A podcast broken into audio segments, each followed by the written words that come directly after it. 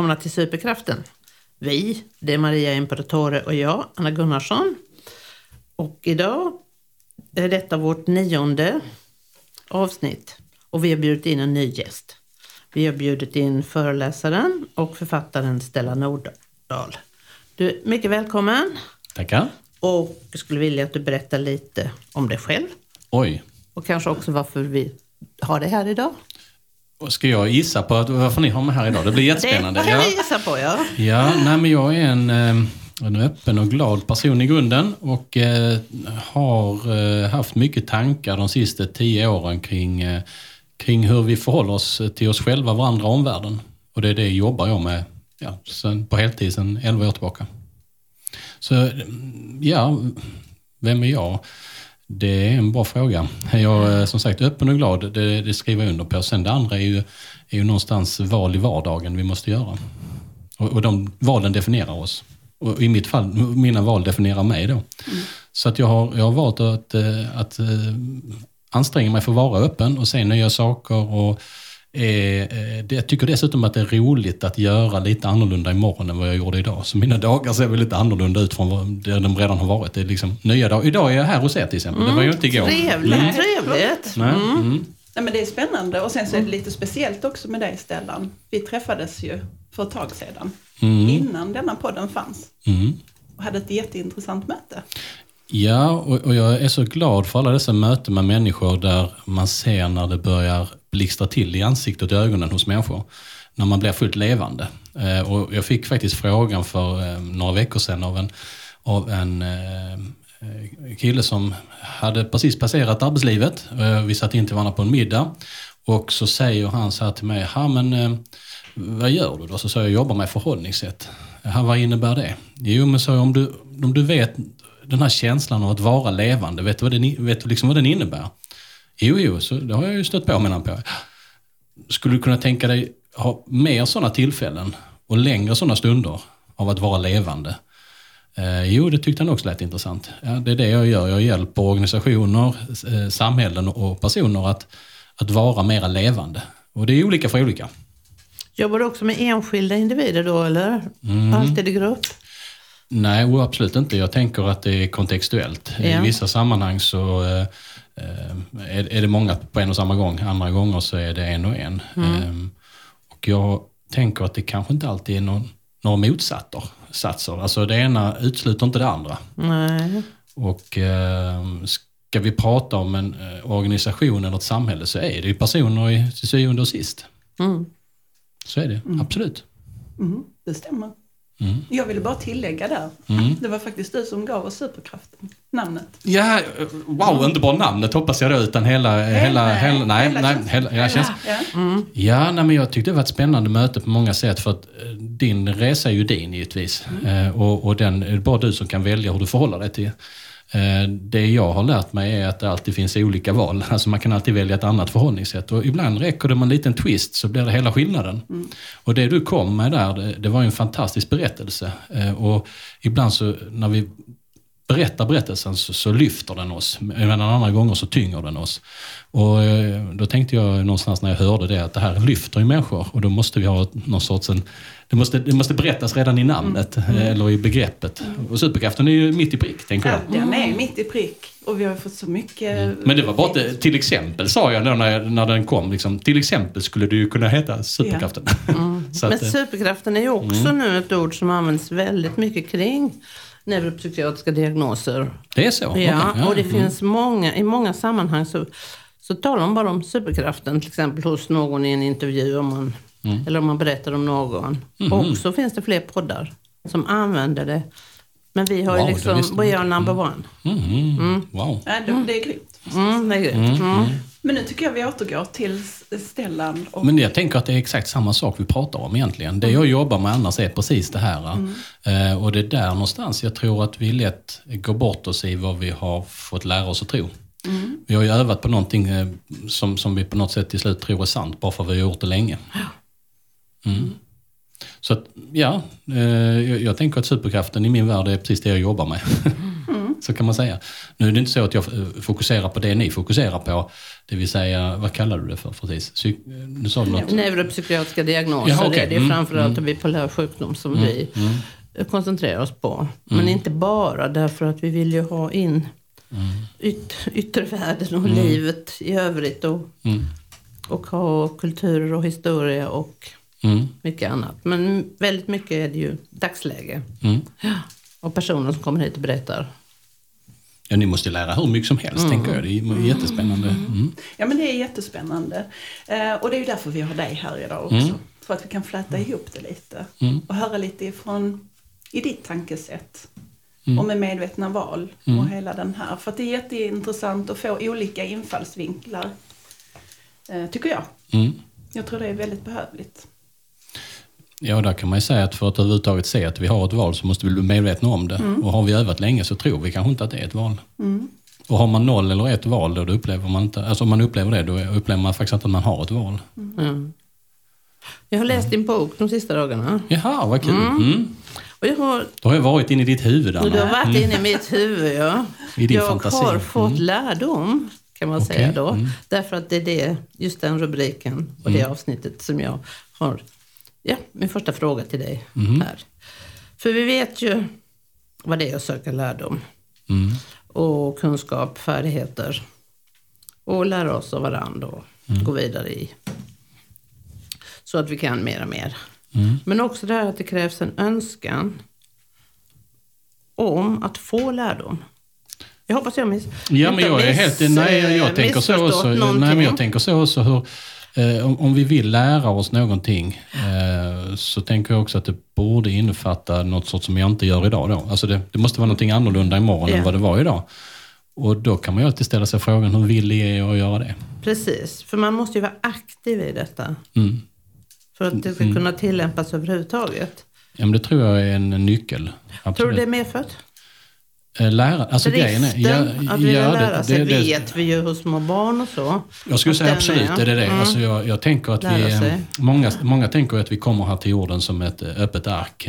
Men, men på ett sätt stämmer ju det då att det är tomt och så men samtidigt är det ju fullt. Lite DNA och sådär ja. Ja, men i min värld är det, är det, börjar vi med alla möjligheter och sen bara begränsar vi oss. Och, det, och, och någonstans där på vägen så är vi fast. Och, och, och det är lite synd. Vi begränsar oss, eller omgivningen begränsar oss. Jag, jag tänker, kan det existera en omgivning utan att jag finns i den? Det är en intressant fråga. Mm, Alltså det, det blir ju ett konstigt begrepp. Så, så fort vi säger omgivningen så har vi egentligen sagt oss själva också. Men påverkan. jo, men jag kan säga... jag kan- Driften inifrån den, säg, det nyfödda barnet då, som vi vet vill utforska världen. Mm.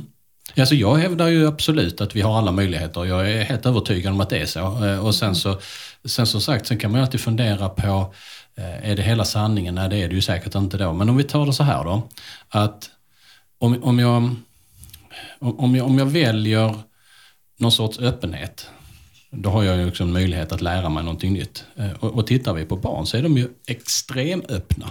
De, ju behöver inte noll- välja ens en gång.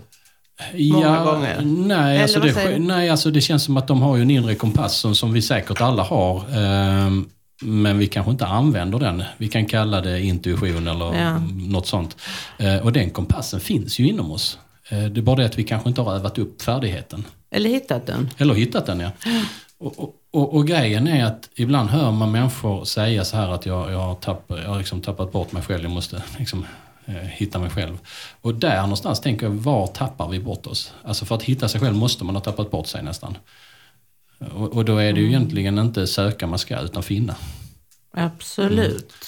Men det är ju så mycket yttre som gör att vi människor kan så att säga då Ja. säga att vi har tappat bort oss själva. Det är så mycket som styr. Det är ju arbete, familj, eh, tragedier, ja, världen, hur den ser ut, allt. Och här får, man, Möten här, får man, ja, precis, här får man vara försiktig då så att inte man skuldbelägger när, när man säger det jag ska säga då. Men jag tänker ju att jag, om, jag är, om det krävs mig för att ha en omgivning om mig, av mig så måste jag ju vara en del av den omgivningen. Och då per definition måste jag ju kunna påverka den. Eh, och sen får man vara försiktig där så att inte, för det är inte sant egentligen heller. Eh, men samtidigt är det fullständigt sant. Och, och då skulle man kunna säga så här att det här, det här har jag faktiskt lärt mig av en fantastisk kille, Marcus heter han. Han sa så här eh, på en, eh, en eh, temakväll vi hade för ett par år sedan som handlade om ansvar. Då kom han som en av, av alla deltagare, eller delaktiga, ska jag säga att de var. Och då säger han så här, man har 100% ansvar, men först när man förstått att man har det. Mm. Och det gör ju då att ända fram till den punkten där jag förstått det eller har, mm. har förmåga att se det, mm. eller, då har jag egentligen inget ansvar. Och från den punkten då, då jag någonstans inser att jag har det, eh, då har jag 100% ansvar. Sen kanske mm. inte har förmågan eller resurserna eller vad det nu är att, att använda det ansvaret. Mm. Eh, men då måste man lösgöra sig från skuldbegreppet eh, så att ja. inte det kommer på mm. köpet. Mm. För, för väljer vi ansvar och får skuld på köpet, då är det inte så kul. Nej, nej, skuld, skulden är aldrig Aldrig kul och aldrig bra. Jag tror aldrig att den är utvecklande, att den ger oss någonting. Samvetet är en sak, men skulden... Men kortsiktigt kan man använda den. Alltså det är jätteeffektivt. Alltså man kan skuldbelägga och alltså det är ju ett av, en av härskarteknikerna. Ja, ja, men det är ju inte härskarteknik. Mm, men det är ju mm. ingenting som kan utveckla en själv. Ja, långsiktigt är det nog förgörande. Absolut. Ja, precis, Både för den som absolut, ger och får. Det är det jag mm. menar med skillnaden med samvete och mm. skuld. Mm. Och skuldbeläggning på varandra. Men jag tänkte lite utifrån det här om just med att eh, eh, ja, men att man förändrar mm. varje dag som du pratar om. Liksom, mm. varje dag är inte sig lik. Där måste jag säga att där har ju alla vi med funktionsvariationer faktiskt en... Eh, där är vi, det är vi rätt grymma på. Mm. Att inte... Att just våga. Alltså man mm. tänker ju inte så mycket på det, men man vågar så mycket nytt. Det är väldigt driftigt, mm. måste jag säga. Um, så jag kan förlika mig väldigt mycket med dina tankar i det och mm.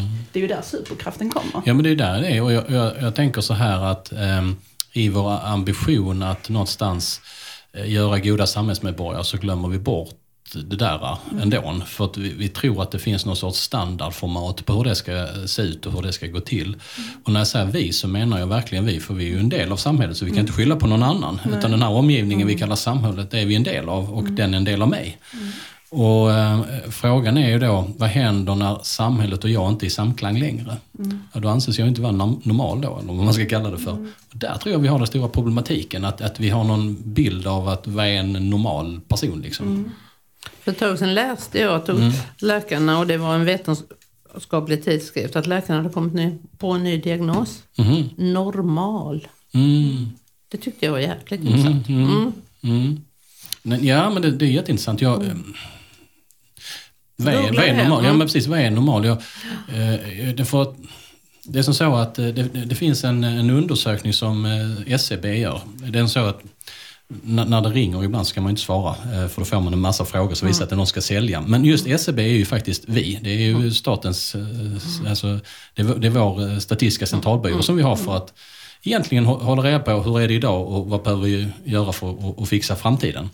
Och då när de ringer så tänker jag då får man svara och när de skickar papper då, då svarar jag också. Och då, då, gör de en undersökning som heter Svenskarnas bild av Sverige som är ganska stor. Det kan hända att någon av er som har råkat vara med den eh, och då är det en massa sidor man ska mm, fylla i. för några år sedan, eller för rätt många år sedan. Jag vet inte hur ofta de gör den här men i alla fall en av alla frågor är eh, vad, alltså, vad karaktäriserar en normal svensk?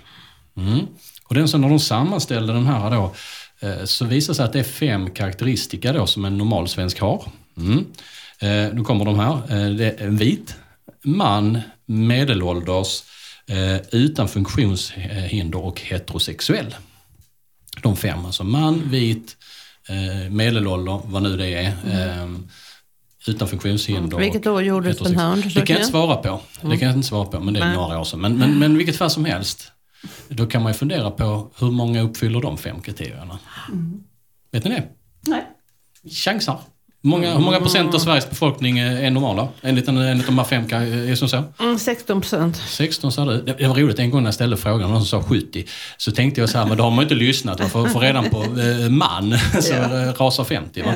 Ja. Eh, och som det tillfälle så var jag Eh, hade jag en, en pensionärsförening jag jobbade med och då så sa de så här, ja men du är nog den enda normala här inne då. Eh, så sa jag, ja vadå? Ja du är den enda som är vit man, heterosexuell, medelålder utan funktionshinder. Så, så sa jag, det vet ni inte ens. Nej, det ser man inte på mig. Mm. Och, och nej, faktum är att det är 4 procent. 4 procent bara. Mm. Och, och, då tänker jag så här, om det, varför är det intressant? Så skönt. Ja, det är skönt att veta då att inte man är normal, tänker jag. Ja. det är skönt att veta. Eller att man är normal. Ja, fast då är du ju minoritet ju. Det är, ju- Då vet vi att minoriteter har det tufft. Vet du. Ja, precis. Det vet vi. Ja, Men, eh, eh, men, men det jag tänker är ju att problematiken kommer inte där i första hand. Eh, även om vi kan se mobbing och allt det här kommer utifrån sådana begrepp. Men eh, det kommer i att vi designar ju samhället för normala människor. Där håller jag helt med dig. Mm. Så är det. Inte minst inom läkemedelsindustrin och annat. Det vet vi Absolut. ju. Att hela men, eh, sjukvården, ja. men vi behöver inte gå så långt. Alltså jag, jag, det var ett himla väsen ute på gatan för någon, någon sommar sedan och då la de om hela eh, vägen där jag bor precis utanför. Eh, la jättefin stenläggning. Och det var så, innan var det väldigt höga kanter. Och, och det är ju ett sätt att tillgängliggöra det för fler och göra de här kanterna lite lägre. Va? Färre lårbensbrott. Ja, till exempel. Och, och då, någonstans kan man fundera på, hjälper det alla då? Just då så var eh, vår yngste dotter, hon var bara ett och ett halvt, så hon snubblade ju ändå. Va? Men, men det var ju fler som inte snubblade på, på kanterna. Hon snubblade på de små kanterna för hon var liten. Eh, Men det är klart att eh, då kan man fundera på, är det ens vettigt att jobba vidare med normalbegreppet? Liksom? Ehm, och, och det var inte så, alltså det är ju vår livstid som bussarna började niga, det gjorde de inte förr. De, de tar, tar det om för en att man får lov att gå ombord helt plötsligt för de lutar mot en. Så. Mm. så det finns ju många designgrejer i, i vardagen. Som, Men och jag, jag tror att eh, men man, man eh, får alltid den mot, motfrågan eh, när man säger att man inte är normal. Ja men vad är normal? Men jag tror att Ja men samhället är som samhället är. Jag kände ju själv när jag var liten att jag inte kom inom ramen normal. Och då vet jag att jag sa till någon att men varför, varför är inte jag som alla andra? Varför är inte jag normal? Ehm, då sa hon, vad menar du? Nej men alltså, min uppväxt har inte varit normal. Alltså kolla min kompis. Hon kommer hem från skolan, då står mamma och lagar mat. Pappa ligger på soffan och tittar på TV. Och sen äter man middag och sen så äter man alltid efterrätt. Jag var liten då, men jag kände att ja, men så hade inte vi det. Eh, och jag kände ju själv att, nej, men att jag var annorlunda. Eh, och då så tittade han bara på mig och sa, men du, om det är det du tycker är normalt, hur kul är det? Och utifrån den, det kanske låter rätt så löjligt, men utifrån den så tänkte jag bara så, nej det är sant. Jag har det jäkligt bra. För att det händer nya grejer hela tiden. nej men visst, alltså, eh, det finns ju många sätt att se på det. Ett, ett är ju det första det här att man ska anpassa sig till någonting. Alltså, det är många som säger att ja, men, du kan ju välja hur du väljer att se på det för det, det, det påverkar din upplevelse, säger man då. Ja, så är det säkert, men det behöver inte sluta där. Jag tänker att mitt val att se på det kommer ju också att, att skapa det. Alltså, ehm, Men det är ett konsekvenstänkande. ja, absolut. Och vilka är kapabla till det? Ja men det är vi egentligen alla. Jag menar, att, jag menar ju då på riktigt då att vi alla är kapabla till det. Alltså på samma sätt så är vi Mm. alla kapabla till lärande fast det går på olika sätt. Vi lär på olika sätt och vi, vi har olika förmågor, vi har olika behov. Jag håller med dig alltså. Så att, mm. Mm. Men visst, eh, man kan säga då att eh, samhället är som det är. Men, men då tänker jag så här att, ja men som tur då att, att, att, att jag blev som jag blev när jag inte blev som jag skulle. ja. eh, och det här har jag fått lära mig av Ingmar, en av mina stora förebilder. Ingmar skulle nog inte gå in under normal på något sätt. Han, och, och då kan man fundera på, är det bra eller dåligt då? I det här fallet skulle jag påstå att det är jätteinspirerande. Han, jag träffade honom första gången på ett affärsutvecklingsprogram vi gick med våra företag. Det kan det vara nu snart tio år sedan, 2009-10 tror jag det var. Eh, då var, eh, eh, då var Ingmar 68 och drev sin egen firma och hade tidigare jobbat mycket inom skolan med matematik och didaktik och retorik och så. Och han hade hållit på då med sitt företagande. Och ehm, då tänker jag, att inom skolan så, så var han ju han var ju ett unikum för han levde ju livslångt lärande. På ett sätt som, som ingen annan. Liksom. Och när han, när han fyllde 70 då, då började han doktorera. Jag tycker det är fantastiskt. Ja, det är Så att, och, och Ingmar är en inspirationskälla för min del för just av den här livslångt lärande. Och då kan man ju fundera på, eh, är det så i skolan? Man pratar ju om det. Men är, är den som är pedagog villig att lära? För om inte du själv är villig att lära så då kan man ju fundera på, kan jag ens, kan, kan jag ens prata om det trovärdigt då? Nej, kan Eller Alltså- är det, Alltså, är det ett jobb? Det är ett jobb. Men många ser det inte som ett jobb. Eller så är det många Eller- som bara ser det som ett jobb. Ja, Jag menar det, ser det som ett jobb. Eh, och sen Lov så och så glömmer vidare. Man, sen glömmer man av eh, den här andra biten. Eldsjälarna. Ja, och vad är, vad är ett jobb? Alltså, mm. ska, vi, ska vi vara lite tjabbiga mot oss själva en stund så kan man säga att vi har ju designat ett samhälle där vi ska utbildas till produktionsfaktorer i, mm. liksom ja, i, i, i fabri mm. fabriken. Mm. Samtidigt så, så är det ju för enkelt för då är ju bara att säga att ja, men samhället är som det är. Men då tänker jag Nej, nu, så kan det inte vara. Eh, och jag hade den största insikten jag haft i mitt liv, hittills i alla fall, för eh, vad blir det nu, ungefär 12-13 år sedan. Och då, då slog den till mig. Eh, den, den kom i ett, vad ska man säga, en av de tuffaste situationer jag varit i mitt liv. Vi hade en allvarligt sjuk dotter och man ansåg att man inte kunde göra mer. Och där någonstans i det här jobbet så valde vi då livet före, före liksom motsatsen då på något sätt, döden. Fast alla andra eh, förstod inte det. Och, och det första då som händer i en sån situation det är ju att om inte någon förstår och de, om de inte ställer några frågor, då, då börjar de tycka det är konstigt. Och tycker, och jag vet inte, nu är det min bild av det, men jag tror att man tittade på mig och min fru i det läget som att, vadå, förstår ni inte? Är ni naiva eller har ni, har ni inte, eh, har ni liksom inte inte vet jag, har ni någon förnekelse? Mm. De förstod aldrig att det var ett aktivt, högst medvetet och kanske det absolut mest kraftfulla beslut jag har tagit i mitt liv. Mm. Och det som händer där då, det är ju att eh, helt plötsligt öppnar sig upp någonting. När du inte väljer det som du alltid har valt, utan du väljer ett helt annat grundantagande, då bör det öppna sig nya möjligheter.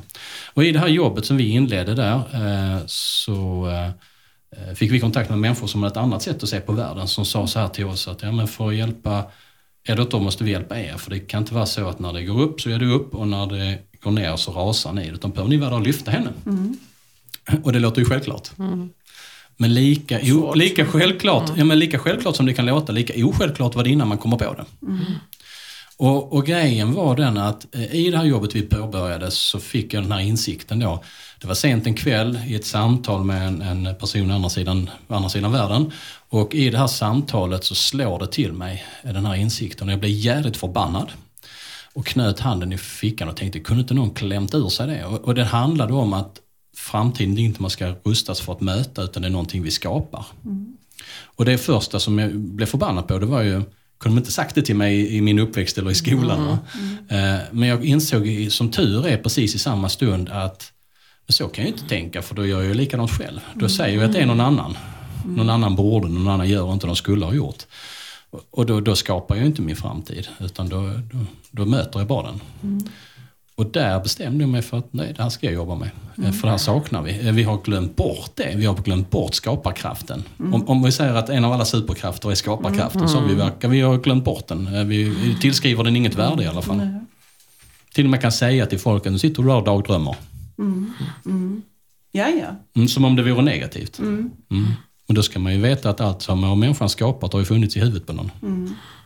Mm. Ja, ja, det är en enorm kraft. Den är enorm. Ja. Så har man livlig fantasi så är det lysande, mm. tänker jag. Mm. För det kommer vi behöva just nu. Mm. Det är det vi saknar i samhället just nu. Det är, det är nya idéer. Precis. Och det där i med vårt tema i denna podden så tycker jag att det är ju en av grundstummen hos dessa barn, mm. ungdomar, vuxna, det är ju faktiskt att det är ju det som är väldigt utpräglat. Mm.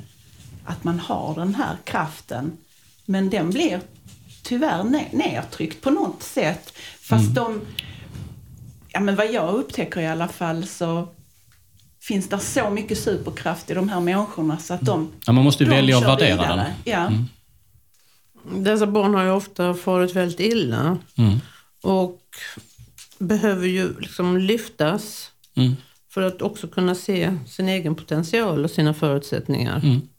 Och det misslyckas vi ju med i svenska det, skolan det menar jag också. och i vårt samhälle. Och då skulle man kunna omdefiniera den här diagnosen då och säga att det är egentligen en diagnos på oss som samhälle och vår, och vår oh ja. oförmåga oh ja. att möta de här barnen. Mm. För vi kan inte lägga på, på, faktiskt på barnen att, att uh, samhällsförändra, även om det finns en och annan som är helt fantastisk mm. på det. Jag tänker mm. på Greta just nu, mm. Thunberg, som, som ju, om jag förstått rätt också har någon typ av, av då, vår, ja, precis, vår, vår bild av henne är tydligen... Bild. Vår bild av henne. Mm. Med det. Vår bild av henne, medan egentligen så det hon har, har, gör är ju att hon, hon, hon har förmågan att se något. Mm. Hon har förmågan att tala om det. Mm.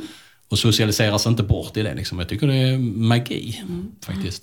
Och låt oss ta den magin, även om inte vi förstår den, och använda den. Mm. Ja men och i detta, mm. förlåt Anna, eh, det är ju där vi har enorma superkrafter. Mm.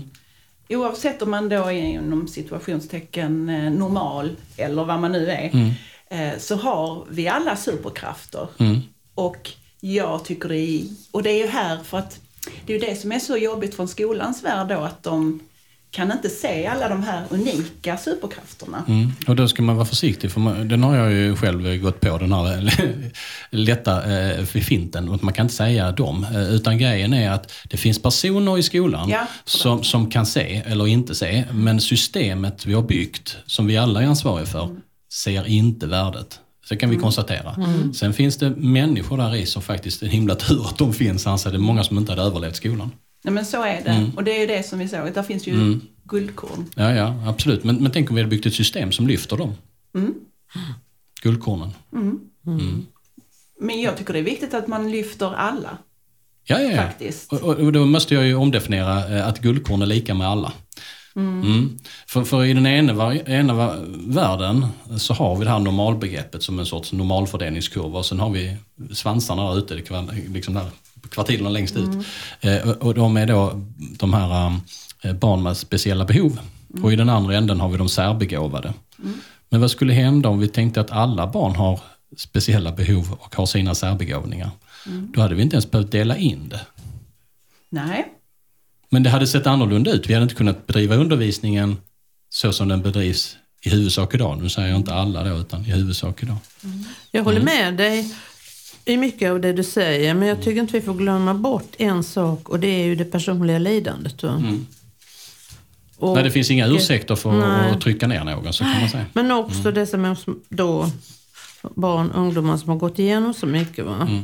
Det är liksom lite för mycket också många gånger att kräva av dem. Nej, det tycker Med jag inte är- verktyg, ja, att de ska precis. hitta saker. De, är liksom, de har ju krympts ihop. Jag håller med dig Sen fullständigt. är det ju så att jag har levt väldigt nära Fanny Mm. i fem år snart. Fem, sex år blir det. Först som eh, pedagog, sen som stödperson och sen Mm. har vi ju lärt känna varandra allihopa och så. Och det finns ju få personer som har lärt mig. Jag började ju skriva en bok. Det var ju så vi satte igång det här också. Va? Och fortfarande håller jag på och skriver ibland. Och eh, om de personer som har gett mest har gett mig mest på någonting, på något sätt. Mm. Och eh, det tog liksom... Jag lärde ju mig se på ett annat sätt. Speciellt med Fanny. Andra människor har också kunnat. Men Fanny och jag var så otroligt tätt. Eftersom jag blev hennes resurspedagog sen. Därför Vi umgicks mest med varandra. Hon var den jag umgicks mest med. Jag var den hon umgicks mest med i, i flera år. Det blev ju så. Va? Och eftersom klassrumssituationen inte fungerade så blev det att vi var, jobbade ensamma. Va? Och då verkligen lär man ju känna och hinner, hinner se saker. Nej, men- nej, nej, men alltså jag, jag tänker ju något sånt där, alltså, vad ska man säga? Du frågade innan Anna, jobbar du med, med personer också? Liksom? Eh, Enskilt, ja. ja. enskilt, ja.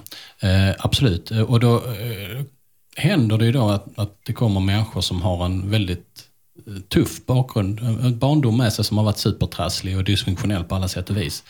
Och då tänker jag först och främst så här att det är aldrig för sent att ha få den barndom man inte hade. Det vill säga vi skulle på något sätt kunna ta oss ifrån det oket vi bär på. Det, det är första grejen. Jag tänker att när man nu, om man nu jobbar med det jag gör, då, medvetna val, så någonstans så implicerar det i så fall, om jag, jag gör ett grundantagande som jag tror på fullt och det är att vi alltid har ett val. Och om den stämmer, det grundantagandet, då, då skulle jag egentligen bara kunna försöka hitta det, hitta kraften att välja och allt sånt här. Och då, eh, då kan man fundera på vad skiljer mig då idag från när, när det här hände när jag var barn? Ja, när vi var barn så förstod vi kanske inte att det inte stämde. Vi befann oss i kanske en dysfunktionell miljö. Vi förstod inte att det var fel på den miljön. Men det var ju vår verklighet Det var också. vår verklighet. Och, den, vår den, bild av ja, livet. då. Och även om man förstod det så kommer man till nästa punkt. Då är man i en extrem beroendeställning. Alltså ett barn till en vuxen eh, och en omgivning med vuxna är i en extrem beroendeställning som är svår att föreställa sig, fast vi alla har varit i den. Eh, Och även om man förstod det och kunde ta sig ur beroendeställningen så hade man inte verktygen att, att jobba med det. Och det innebär ju inte att det inte går att göra nu. Det innebar att den situationen man var i då inte Eh, att det inte går att göra då betyder inte att det inte går att göra nu. Och, och jag tänker att förlåtelse är ett sånt fantastiskt kraftfullt, eh, vad vi kalla det, verktyg eller, eller begrepp. som ju, när man förlåter, då kan man fundera på, kan man förlåta vilken handling som? Mm. Och det tror jag inte man kanske kan, men, men däremot kan man förlåta människor för att man inte visste bättre. Och det som händer när man, man gör det... Man kan försonas med någonting, ja, tror jag, mm. men inte alltid förlåta. Förhoppningsvis ska man ja. ändå kunna förlåta. Fast det, det är en sak som jag, jag. Ja. Men... En sak som jag lärde mig, när, när, det är det enda jag kommer ihåg faktiskt, när jag konfirmerade mig. Jag eh, lyssnade extra på det, just det här som, som prästen sa, att för att, att du ska förlåta på riktigt mm. så måste du kunna glömma. Mm. Eh, och det är väl en viss sanning med viss mm. Det är kanske den personens ord. Eh, jag hade nog använt andra ord. Jag hade nog mm. använt att förlåta mig själv. Mm. Eh, att förlåta den andra för att den inte visste bättre och sen att förlåta, och i den kommer förlåtelsen av mig själv. Mm. Alltså det här yngre jaget som ju bär på en enorm skuld och det äldre, och skam då, det äldre jaget som, som på något sätt eh, är fast i den berättelsen. Mm. Um, Mm. Nej, men det, jag är helt övertygad om att det går att göra. Mm. Eh, sen, så, sen bara för att jag inte jag själv som person har gjort det så betyder det inte att det är omöjligt. Är du med på vad jag menar? Alltså mm. att, att om man har eh, behov av att hjälpas åt, alltså få hjälp med förlåtelse så finns det människor som kan hjälpa en. Mm. Det, det, finns ju människor som har gått igenom liknande grejer och det finns de som jobbar med det professionellt, att, med förlåtelse. Så det tror jag är en väg. För jag tror mm. det just i det här, nu refererar jag ju mycket mm. till mina barn, mm. men just med förlåtelse är jätteviktigt. Mm. Um, som sagt, jag refererar till mina barn. De uh, har svårt att förlåta vissa, mm. vissa saker som mm. har hänt. Um, det är jättesvårt för dem, jättetufft. Det sitter liksom kvar. De kan älta det. Och där mm. känner jag att där måste man som förälder gå in och arbeta. Oh ja, ja, ja. Alltså det, det, här kommer man antagligen inte reda själv i den situationen. Det luriga då med, eh, om vi tar eh, ett begrepp som är kopplat då till, till, det, till det här med medvetna val, det vill säga resurser. Har jag resurser för att ta för mig fördelaktiga beslut mm. och, och göra ett medvetet val? Och har jag inte det, så är det ju lite grann, eh, jag ska inte säga omöjligt, men, men det blir liksom jättebökigt. Alltså, då måste man någonstans skaffa sig de resurserna eller få eh, en extern hjälp. Mm. Och, och, och, då kommer den här extrema paradoxen då, att när jag har, har, eh, har eh, gott om resurser, då har jag, har jag liksom inte behovet av det och när jag har låga resurser har jag inte förmågan. Så, så, när jag liksom är låg på resurser kan jag inte be om hjälp och när jag har hög, höga resurser då, då behöver jag inte be om hjälp. Mm. Men det är kanske då man behöver passa på. Ja. Jag tänker på ett, mm. ett kränkt barn. Mm. Och jag tror också sen att barn i olika åldrar kan ha, det skiftar hur mycket man kan förlåta. Till exempel mm. en kompis som har uh, gjort någonting som mm. kanske i våra ögon inte är så jätteallvarligt. Va? Så kan ju ett barn hänga upp sig på det. Ja, ja, ja. Alltså oförrätter Men, ja. tänkte jag säga. Det, mm. det kan ju du och jag tycka, precis som du säger, att det var väl inte så farligt. Nej, men det men, är det ju. Alltså, det, det kan jag aldrig säga om någon annan. Mm. Alltså. Men just en kränkning mm. som är allvarligare. Mm. Från vuxen menar du sen mm. då eller? Ja, eller med från, från vem som helst. Från barn eller vuxna eller vad som helst. Jag menar mm. inte övergrepp eller allvarliga mm. saker på det sättet. Mm. Utan jag menar bara om, om någonting har, till exempel i skolan, eller man har fått en snyting. Mm. Eller en rakt in i magen i någon mm. situation. Fast och jag, blivit jag, kränkt också mm. naturligtvis då mentalt. Fast där kan ju jag tycka att det är ju där, precis som vi kom fram till, att där måste man ju återgå till individen. Vi kan ju inte säga att det var inte allvarligt. Um, nej, jag menar, det, det, mm. alla har vi olika perspektiv oh ja. Oh ja. Och där är det jätteviktigt att ta ta individens känsla. Mm. Alltså det som är Lud, Lud i torktumlaren för mig är ju inte det för någon annan och vice versa. Nej. Det som du eh, kan slå bort och tycka, men mm. vadå, det är ju kanske det största som har hänt i mitt liv och, vi, mm. och tvärtom. Så att, mm. Eh, den, den, eh, att, att, min upplevelse inte är din, den är jätteviktig. Mm. Att, att liksom ta till sig. Ja. Mm. Och jag tänker lite utifrån det du sa också för en liten stund sedan, just med att ja, men, det är ju medvetna val som man gör. Och det, mm. ansvaret ligger ju hos en själv. Mm. På ett sätt. Återigen, eh, jag, jag, jag, vet inte men jag tycker Nej. att Marcus, eh, då med den här, eh, man är 100% ansvarig men först när man förstår det, den, mm. den tänker jag funkar bättre mm. i min mm. värld. För det, här, är det, här blir det så lätt att så fort vi försöker göra det förenklat så blir det svart och vitt och det mm. blir i opposition till vartannat. Och det här tänker jag ju snarare både och istället för antingen och eller. Mm. Nej, men för att jag, jag kommer själv på, eh, när du säger så, jag tycker den är klockren och jag mm. tror att många barn mm. ska ta det med sig, även vuxna såklart.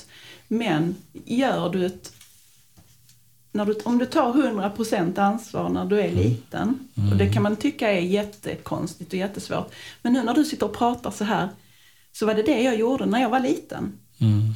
Jag satte upp olika regler. Att mm. det här får jag göra, det här får jag inte göra. Sen du, hade jag, mm. där, så där tog jag Ja, jag kan säga så att jag tror vi har olika definitioner här på mm. ansvar. Jag skulle påstå att det är på en annan plan. Eh, att, att göra en regelbok i, i min värld är inte säkert att det har med ansvar att göra. Det kanske har precis tvärtom. Du, du har en omgivning som, som, som är mer eller mindre kräver den här regelverket av dig för att du ska anses vara då normal Nej, eller fungera? Nej, jag tänker inte så alls. Nej, du tänker inte så? Nej, okay. mm. Nej. Det lät så nämligen i mina öron. Ja. Jag, jag, jag, tänker bara på mm. den jämförelsen då, jag som prästbarn mm. som hade regelboken färdig. Mm. Mm. Där satte jag ju liksom mot regler eller mm. protesterade mot regler. Mm. Men det, jag kom ju aldrig egentligen så riktigt så långt att jag satte mina egna regler. Mm. För min tid gick ju åt att protestera mot alla de regler som redan fanns. Mm. Ja, nej, men när jag pratar så så pratar jag inte alls utifrån. Men det är nog bara för att jag har eh, diagnos själv och är inne i min värld. Utan för att men det hade jag... jag också numera då. Jag var ju normal då, eller vad var det du sa Anna? Förlåt. Ja. ja, men så att när jag pratar om mm. så är det inte regler för att jag ska, eh, ja men för att man eh, jag måste komma i tid till skolan. Okay, nej, men det är inte sådana regler, var... utan det är mer överlevnadsregler. Okay. För mig. Alltså, mm. Långsiktiga mm. förhållningssätt eller något sånt. Ja, mm. alltså så. Och där tog jag 100% ansvar. Um, Ja, det här blev svårt att förklara för det här mm. är ju en Men säg, känsla. berätta om en av dessa principer eller vad du tänkte kring där. Ja, men eftersom jag har haft en, en ångestproblematik hela mm. mitt liv som ofta mm. är när man har diagnos mm. eller funktionsvariationer eh, så är det tyvärr en, en, en bieffekt som hänger med. Mm. Och då när jag var liten så kan det ju komma upp olika ångest eh, saker och då var bland annat en ångest var att jag skulle bli narkoman när jag blev stor. Mm. Jag drömde det och jag var jätterädd. Mm. Tänk om jag blir det när jag blir stor. Mm. Men då gjorde jag det väldigt enkelt. Okej, okay, nu är du rädd för det. Mm. Hur ska jag lösa detta? Okej, okay, nu är jag med på det. Mm. mm. Du hade en strategi jag, för, ja. för att ta dig förbi den. Precis, och då, så, så då sa jag så här. Jag ska aldrig prova narkotika. Ja, det är ju enkelt. Ja, ja. och det har jag aldrig gjort. Nej. Jag har så nu hänger du med mig? Ja, ja nu är jag med. Och det här ja, tror absolut. Mm. att jättemånga mm. här... av våra funktionsvariationer, vi kan jobba med, med vår problematik på detta viset. Det tror jag också. Jag tror ja. att det kan vi alla göra. Och, mm. och det, det är där jag eh, på något sätt skulle vilja att vi omdefinierar kanske då, varför har vi skola? Tänk om man hade lagt pulver på att göra sin livsstrategi och sen mm. inse att en, en, strategi, den håller fram tills jag gör om den. Liksom. Det fina med val brukar jag säga, mm. det, är, det, är, det är att vi kan välja om. Välja om ja. Eh, mm. och, och, eh, men, men, att egentligen designa den, den, den kräver ju förvisso lite av mig, men det betyder inte att det inte går att göra. Och jag tror att när vi börjar öva på de sakerna, då mm. blir vi ja, som allt man övar på, bättre eller vad man ska mm. kalla det för. Vi får större mm. effekt eller större, det kommer att växa till sig och kommer få en effekt av de här strategierna. Eh, och eh, Det luriga är ju återigen den här vi var inne på innan Anna, att när, när jag har gjort någonting länge och jag tror att det runt omkring mig är rätt och jag är fel. Mm, då är det lurigt. Så det, vi kan inte samtidigt säga att det är den enda vägen, men jag Ja, jag, jag, jag köper det Maria. Jag mm. tror också på att grundförmågan finns. Det gäller att hitta, mm. hitta möjligheten att skapa sina sådana strategier, planer, mm. eh, regelverk då. Fast mm. en annan typ än vad jag tänkte ja, när du precis. sa det. Ja, ja, mm. ja. Tack för det. Ja, jätteskönt. Men också för att människor behöver olika former av mm. stöd och olika mycket stöd. Ja, men och alltså, det är ju något så viktigt som mm. vi kanske ju också heller inte är så jättebra på. Va? Vi kan mm. vara bra med våra egna barn, vi kan vara bra med våra närmaste. Mm. Jag vet inte om ni har sett den här, det finns en sån liten seriestripp som jag tänker handlar precis om det här. Vi, vi har ju en, någon sorts en, en önskan om att det ska vara lika för alla, eller hur? Och, och då, då tror, Ja, som samhället är uppbyggt så ja, verkar vara så i alla fall. Mm. Vi, och, och jag kan ju tycka att det verkar vettigt att fördela resurser. Frågan är ju då, hur fördelar vi de här resurserna? Och den här C-strippen, då är det en... eh, jag Men det- ekonomiska resurser naturligtvis. Då. kan det vara. Det kan vara andra resurser också. Men, men i det här fallet är det, det lådor. och då är det en, en eh, vuxen eh, med sina två barn. En, en lite större barn och lite mindre barn. Och så kommer de förbi ett, eh, ett, liksom ett staket och så händer någonting innan på andra sidan staketet. Och det är bara pappan som kan säga, jag tror det är en pappa där som är ute sina två söner. Och så händer det någonting där på andra sidan staketet. Ja, någon idrotts... Ja, ni kanske har sett den. Och sen så kommer då, de andra når ju inte upp då. Och så är det tre lådor. Och, och den vanliga varianten vi har det är att alla ska ha en låda var. Pappan kommer ännu högre upp. Det större barnet kan också se, men den lille tittar fortfarande inte över. Eh, Men en annan fördelning skulle kunna vara, pappan behöver ingen låda. Eh, Det större barnet behöver en och den lille behöver två. Och, och, och egentligen är tankevägen inte så lång egentligen. Så jag tror att vi egentligen har den här förmågan. Men vi tror att systemet vi finns i vet bättre än vad jag vet. Det håller jag med om. Ja. Mm. Vi tror att kvalitetssystemet på riktigt tar bättre beslut än jag. Och i andra riktningen också, eh, som chef och ledare så eh, har vi inte tilliten till att andra har kapaciteten att ta besluten utan jag måste kontrollera detta. Det finns inget mer förödande för ansvar, det är att bli kontrollerad på det. Vem vill ta ansvar när någon som går och misstror hela tiden? Det är ingen som vill. Nej, nej. Nej, nej. nej. Så är det. Mm. Du hade någon annan fundering också Anna? Jag såg du så väldigt fundersam ut precis innan. Jag har ju lite funderingar men jag tror att det här kommer liksom att, vi kommer att sitta hela dagen då. Så jag tror att vi får ta det en annan mysigt. gång. Ja. Jag hade gärna suttit hela dagen. Jag tycker det är väldigt spännande. Mm. Och jag tycker också det är en jämförelse med Marlows trappa och eh, och det, det är väl din, er modell som ni jobbar efter? Ja, alltså grejen är så här att om man, om man tänker sig så här att eh, vad, vad behöver vi eh, göra idag med, med samhället? Ja, det, tittar vi ut så kan man antingen titta ut och bli rädd och tänka åh nej, hur ska detta gå? Och jag brukar tänka så här att just nu så är vi, jag vet det, 7 miljarder människor på, på planeten jorden. Och om inte det finns någon annan, då är det ju jätteläskigt på ett sätt. Shit, det, men samtidigt är det också en fantastisk möjlighet för då slipper vi sitta och vänta. Då kan vi kavla upp armarna och börja jobba. Mm. Ja, Ja. det är sant. Och med de orden som ska vi avsluta Det är så. Superkraftpodden idag. Men jag vill säga så här, vi hade gärna velat se dig här igen. Ja men vad roligt. Ja. Och höra då, eh, tänker jag också. Ja, vi vill se dig, men våra lyssnare ska höra dig. Mm. Japp. Och vi vill höra på dig också.